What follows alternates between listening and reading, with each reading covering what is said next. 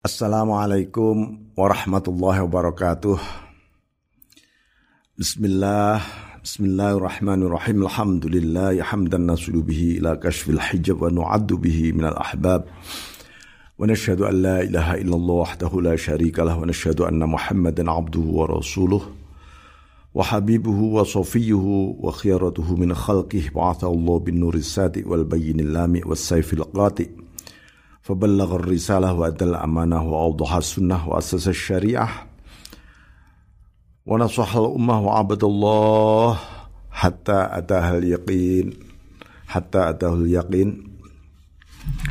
اللهم صل على سيدنا محمد عبدك ونبيك ورسولك النبي الأمي وعلى آله وصحبه وسلم.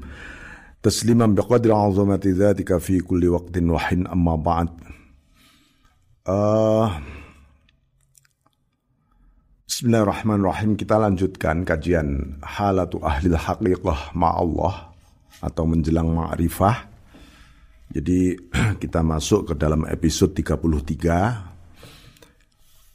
Uh, eh, ada satu hadis dari Anas bin Malik radhiyallahu anhu qala kana Rasulullah sallallahu alaihi wasallam idza dakhala Rajab apabila masuk bulan Rajab beliau selalu berdoa Allahumma barik lana fi Rajabin wa Sya'bana wa balaghna ila wa balagh wa ballighna ila Ramadan.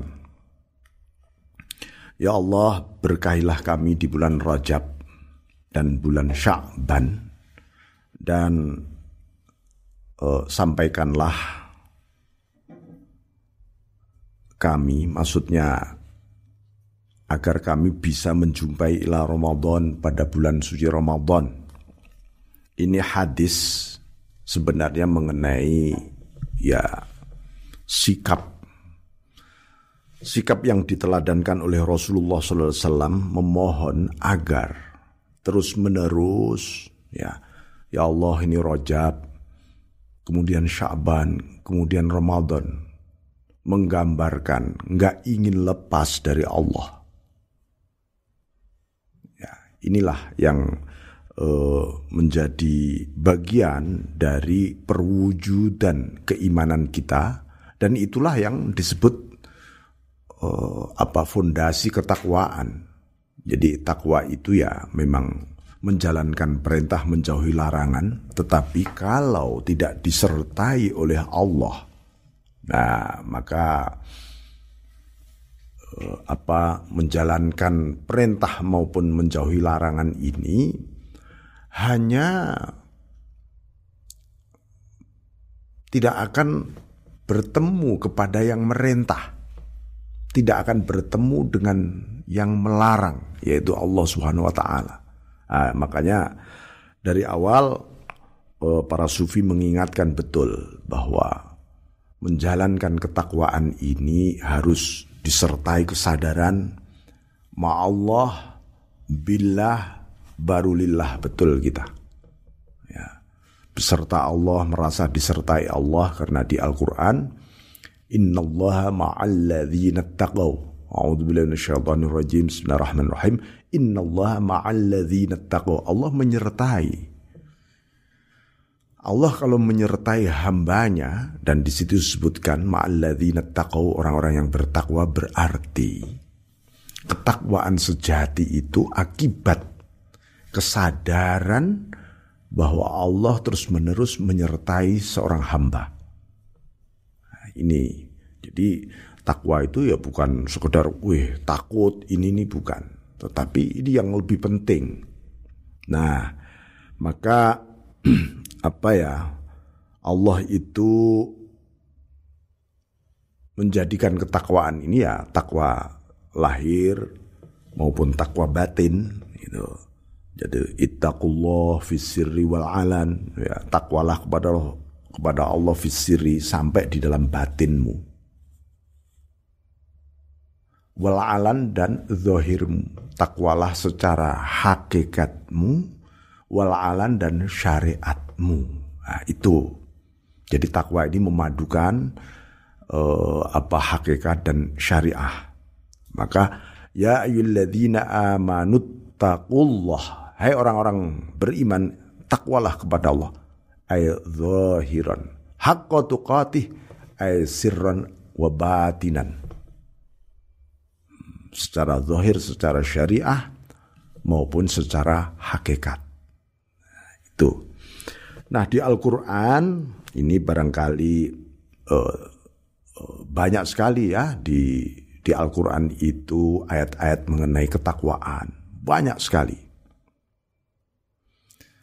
Nah, karena cara atau frekuensi kualifikasi spiritual hati, jiwa, alam pikiran manusia yang berbeda-beda, maka ada kemudian takwanya kalangan am, kalangan orang awam, ada kalangan khos atau khawas. Ya. Jadi kalau menjalankan perintah menjauhi larangan itu ya sudah takwa, tapi itu namanya tak uh, takwal am. Jadi ketakwaan umumnya orang ya ya begitu. Nah, itu sudah bagus. Sudah bagus.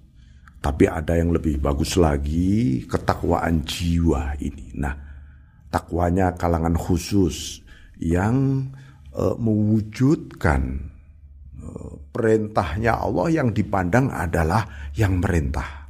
Larangan Allah yang dipandang yang melarang. Maka kesadaran disertai oleh Allah akan terus-menerus muncul di situ. Ya, seperti itu. Nah, di sinilah ada satu tafsir yang sangat indah dari Syekh Ahmad Ar-Rifai mengenai ayat a'udzubillahi minasyaitonirrajim wa may yattaqillah yaj'al min amrihi yusra. Uh, siapa yang bertakwa kepada Allah segala perkaranya menjadi mudah. Allah men menjadikan seluruh persoalannya menjadi mudah semua. Wah ini jangan sekadar dipersepsi kemudian wah aku tak bertakwa ah nanti urusan-urusanku jadi beres gitu misalnya Nah, taunya kita nggak ngerti apa yang disebut beres, apa yang disebut urusan, dan apa yang disebut ketakwaan tadi. Nah, ayat lain menyebutkan makhraja. Siapa yang bertakwa kepada Allah dijad Allah menjadikan pada orang itu jalan keluar. Nah, ini ada beberapa kata kunci selain takwa yaj'al kata Allah menjadikan makhroja, makhroja lahu, makhroja.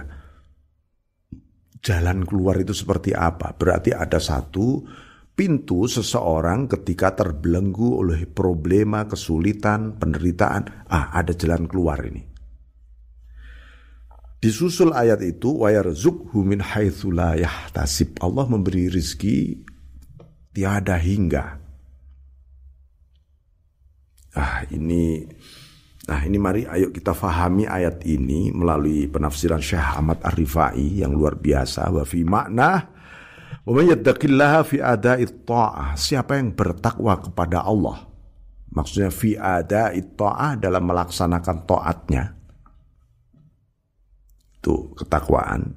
Ya ja'allahu makhraja min ghubari dzunub wazallat. Dia akan diberi jalan keluar. Jalan keluar dari apa wong toat kok diberi jalan keluar? Diberi jalan keluar dari debu-debu dosa ya dan kelalaian demi kelalaian. Ini yang maksud dimaksudnya makroja jalan keluar itu diberi jalan keluar kita ini dari sebuah kemelut yang berdebu di dalam jiwa kita yang di sana penuh dengan kealpaan, maksiat, kelalaian dan seterusnya. Itu yang dimaksud jalan keluar. Nah, wayarzuqhu min haitsu la diberi rizki yang tak terhingga. Rizki apa? Wayarzuqhun najat minal uqubat min haitsu la yahtasib diberi rizki keselamatan.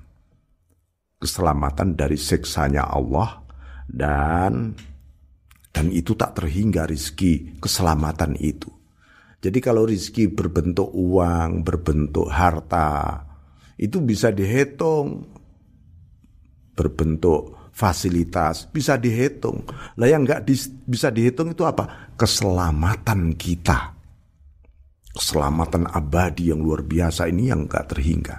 Nah, itu yang dimaksud min haitsu yahtasib itu begitu.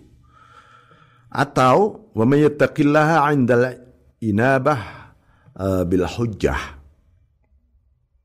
Siapa yang bertakwa kepada Allah melalui jalan kembali melalui argumen jiwa uh, hujjah dengan uh, kebenaran maksudnya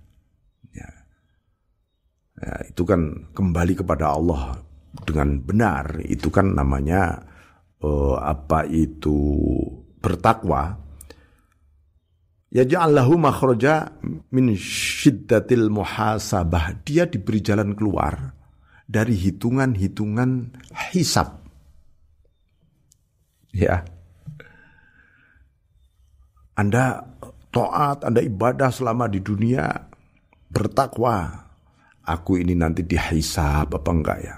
Atau aku ini bebas enggak ya? Jangan-jangan hisabku jomplang. Nah, kepingin kita keluar dari itu semua. Ya ja'allahu makhraja Allah memberi jalan keluar min addadis min muhasabah. Jadi eh, apa hitungan-hitungan hisab akan dihapus malahan oleh Allah. Itu bagi para mutakun.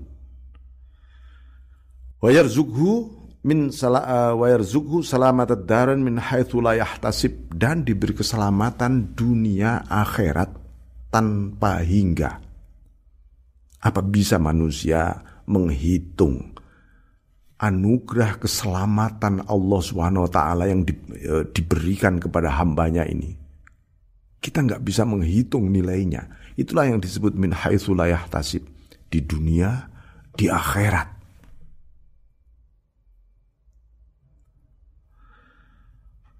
Wa yattaqillah bitarkil maharim. Uh, atau yaj'al lahu makhraja min min jami'il ishtighal bi ghairillah wa yarzuquhu min haitsu la yahtasib ay hayatun thayyibah min haitsu la yahtasib. Jadi dia diberi jalan keluar dari sibuk ngurusi terbelenggu oleh urusan-urusan dunia saja sampai lupa akhirat, lupa pencipta dunia dan pencipta akhirat yaitu Allah. Nah, ini ya uh, orang yang lalai walaupun dia punya segalanya lupa terus-menerus kepada penciptanya itu enggak pernah mengalami hayatun toyibah kehidupan yang mulia yang indah enggak bakal. Enggak bakal. Makanya uh, kalau kita uh, melihat ya melihat ini di kota-kota atau di negara-negara maju. Lihat saja manusianya.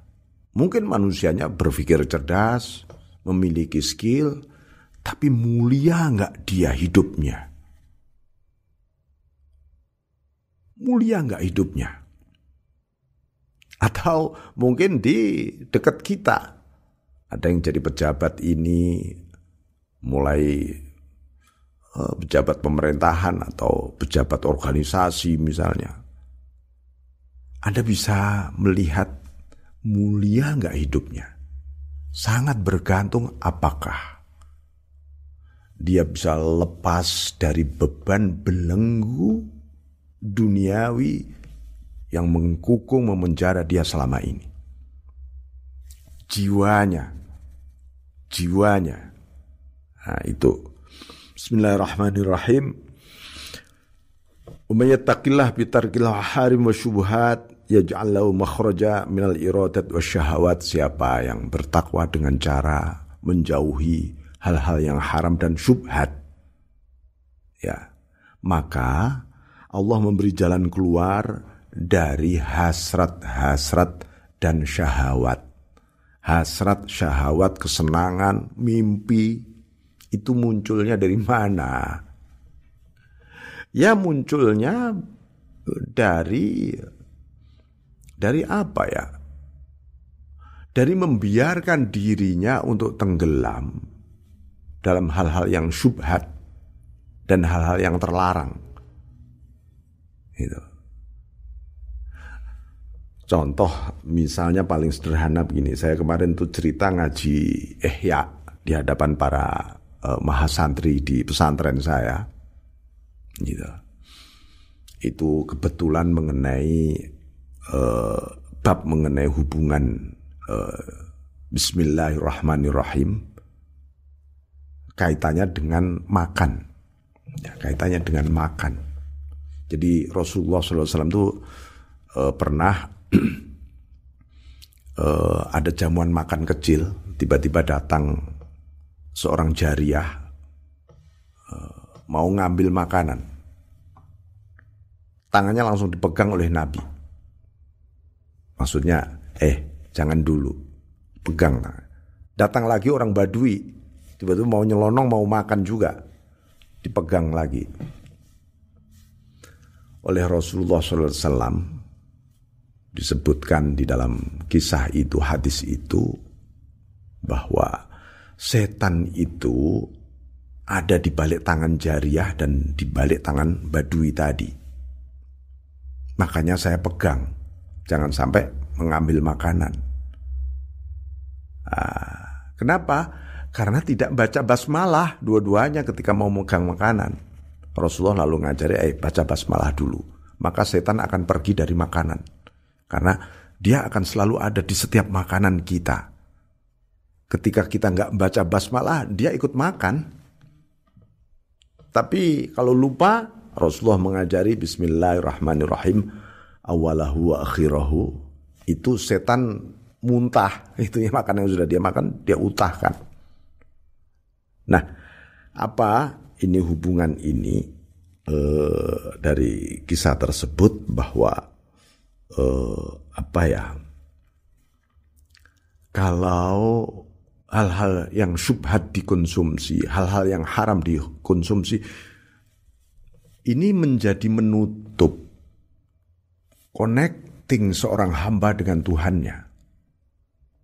Karena itu kalau orang mencuri makanan saja mencuri makanan dia, sengaja mencuri makanan atau uang, nggak bakal dia ketika makan itu akan dan dia sadar itu hasil curiannya, gak bakal dia akan mengucapkan Bismillahirrahmanirrahim.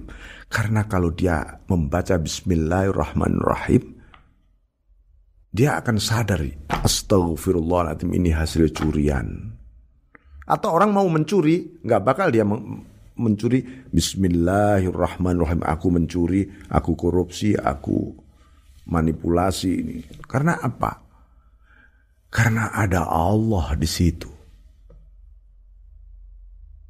Nah ini loh. Uh, nah kalau orang bisa menjaga, menyadari hadirnya Allah, dia akan jauh dari maharim. Jadi hal-hal haram dan syubhat, apalagi kemudian, nah hal-hal yang haram dan syubhat ini biasanya dieksploitasikan untuk kepentingan-kepentingan nuruti hawa nafsunya. Ya. Jadi misalnya mereka yang terbiasa mengkonsumsi barang-barang haram, apakah itu narkoba ataukah itu minuman-minuman keras misalnya atau makan-makan haram lah. Itu biasanya larinya ke maksiat. Maksiat-maksiat tadi, mengkonsumsi maksiat tadi biasanya muncul dari harta yang tidak halal. Nah, Anda renungkan sendiri itu. Bismillahirrahmanirrahim. Maka nggak bakal, oh, saya mencuri ini untuk bangun masjid itu nggak nggak bakal. Uh,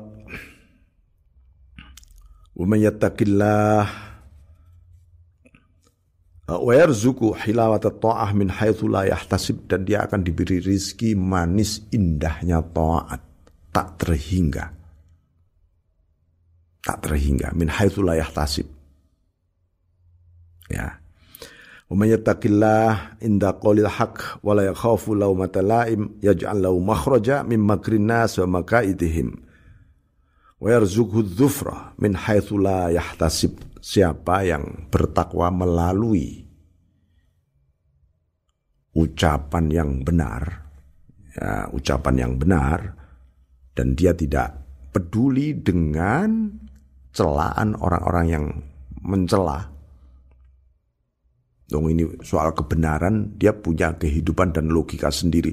Dicela ataupun dipuji kebenaran tetap hidup dengan sendirinya. Dia nggak ada kaitannya. Nah.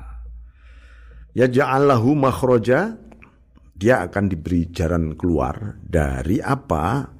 Dari rekayasa manusia uh, dari tekanan-tekanan yang muncul dari orang lain. Ya. Itu kalau kita berani mengungkapkan kebenaran dengan jujur, artinya dengan ketulusan kita nggak punya kepentingan. Makanya kebenaran itu harus disampaikan tanpa kepentingan. Satu-satunya kepentingan adalah lillahi ta'ala hanya untukmu Allah. Karena apa? Karena kebenaran itu darimu. Tidak akan pernah ku kembalikan pada diriku atau pada orang lain, ya tetap akan kembali padamu. Ya. Uh, ini wayarzuku dzufra dia, dia diberi keberuntungan yang tiada hingga orang yang seperti ini. Dia hidupnya merdeka karena dia nggak bakal bisa ditekan, nggak bakal bisa direkayasa oleh banyak orang. Menyatakilah bitar kita aluk bi ghairillah yaj'alahu makhraja min ubudiyatin min ubudiyati ma Siapa yang bertakwa kepada Allah dengan membebaskan diri dari bergantung kepada selain Allah. Nah, ya, ini nih mulai lebih dalam lagi, mulai da lebih dalam. Jadi segala hal selain Allah itu ditepis. Ini namanya haqqatuqati hakikat ketakwaan yang sebenarnya. Jangan sampai kita menjalankan perintahnya Allah sementara kita tidak bergantung kepada yang memerintah, yang merintah. Kita beribadah. Malah kita bergantung pada dunia kita. Atau sebaliknya, ya Allah diminta bergantung kepada permintaan Anda, doa Anda, keinginan Anda dengan cara Anda beribadah tadi. Nah ini kebalik namanya. Uh, menghadap Allah kok supaya Allah manut kita ini bagaimana? Uh, Bismillahirrahmanirrahim. Ya ja'allahu makhraja min ubudiyati siwah. Anda akan diberi jalan keluar untuk beribadah. Bentuk jalan keluarnya adalah uh, keluar dari penjara perbudakan selain Allah. Ya. Caranya bagaimana? Eh buang segala ketergantungan hati. Hubungan kita dengan sesama ya hubungan, tapi jangan sampai hati kita digenggam oleh makhluk. Yang berhak menggenggam hati kita adalah Allah. Ya, itu namanya Anda berada di dalam genggaman ilahi. Menyertakillah wa yarzuqhu kawal ikhlas wa yarzuqhu kawal ikhlas Anda diberi rizki bersifat benar dan ikhlas. Ikhlas itu lillahi ta'ala. Ya, itu enggak ada rizki yang uh, luar biasa dibanding asyidku wal ikhlas itu. Itu rizki yang luar biasa. Dan seluruh rizki-rizki yang tiada terhingga tadi, semuanya bersifat ruhaniyah. Ruhaniyah. Kalau yang sifatnya zahiriyah jasmaniyah pasti uh, apa yahtasib itu dihitung bisa gitu loh. Bismillahirrahmanirrahim. Uh, ini menggambarkan betapa uh, apa pemahaman kita tentang takwa selama ini harus transformatif ya transformatif jangan sampai seperti uh, orang bersedekah Bersedekah itu pahalanya dilipat gandakan, lalu yang disebut pahala itu sangat materialis. Saya bersedekah 10 ribu kan mestinya kan 100 ribu saya dapat. Itu sangat materialistis. Ya, itu melukai ruhaniyah kita. Melukai keimanan kita. Ya, jangan lagi seperti itu. Nanti karena apa? Keikhlasan Anda hilang. Hilang. Ketika Anda bersedekah yang teringat adalah lipat gandanya tadi. Bukan pahalanya. Pahala nggak bisa dihitung sebenarnya. Kalau sampai diturunkan oleh Allah pahala yang sesungguhnya di balik sedekah Anda, ya dunia ini amblek lah, kiamat lah. Nggak mampu menampung pahala. Nah, balasan Allah memang langsung, tapi balasan Allah itu adalah aktivitas karakteristik yang tumbuh berupa karakteristik yang bagus aktivitas yang bagus, ibadah yang bagus, itu balasan dari Allah loh. Jadi kalau Anda setiap hari mulai istiqomah, oh berarti aku diberi pahala aku ini. Oh aku bisa menjalankan aktivitas ibadah, oh diberi pahala. Aku bisa nolong orang, ya bisa memaafkan orang, itu rezeki Anda. Rezeki Anda. Ya. Ah, di sinilah kita ingat apa yang disebutkan oleh Ibnu Athaillah Sakandari kemarin ya. Yang saya kutip di dalam kajian Al-Hikam, mata rozakokat ta'ah. Sepanjang Anda diberi rizki, taat, wal ghinabih, dan rasa cukup puas hanya pada Allah saja bukan yang lain. Apa yang anda sebut kepuasan di dalam frame, di dalam blok yang ada di dalam otak Anda kira-kira. Kalau itu belum al-ghina yang aku sebut puas itu adalah engkau sendiri Allah. Nah berarti Anda belum disempurnakan rizkinya, rizki Anda oleh Allah. Nah, akhirnya malah kemerungsung hidupnya. Bismillahirrahmanirrahim. Jadi uh, itulah uh, betapa luar biasanya ketakwaan sampai Allah menyebutkan inna akramakum indallahi atqakum. Yang paling mulia di antara kalian adalah yang paling bertakwa. Zahiran wa batinan. Lahir maupun batin. Ya. Dan ketakwaan seseorang tidak bisa dinilai dari aspek lahir. Wong at-taqwa hahuna. Takwa itu di sini. Wah, ada orang jalannya nundu aja, belum tentu dia orang bertakwa. Atau ke mana-mana pakai baju takwa saja, wah ini orang ini takwa juga bukan. At-taqwa hahuna di sini loh. Di sini dulu nanti akan melahirkan aksentuasi perilaku yang sangat-sangat berakhlak. Nah, akhlak itu antara lain diproduksi oleh ketakwaan kita yang sesungguhnya. Nah, ini pentingnya takwa sampai Allah menyebutkan mewajibkan para khotib Jum'ah, khutbah Jum'ah itu wajib ada wasiyatut tuqa, wasiyatut taqwa, wasiat ketakwaan. Kalau enggak, enggak sah khutbahnya. Ya, ini diingatkan terus minimal seminggu sekali loh kita diingatkan uh, setiap Jumat kita diingatkan oleh khatib. Uh, jadi apa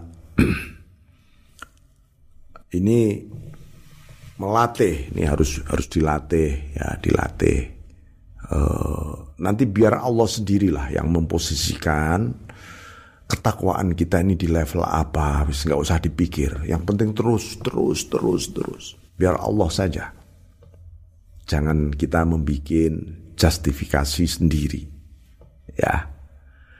Ini uh, luar biasa apa yang disampaikan yang diangkat tema ini oleh Syekh Ahmad Ar-Rifai di dalam menjelang ma'rifah. Semoga Allah terus-menerus membukakan pintu-pintu ma'rifatnya kepada kita semuanya.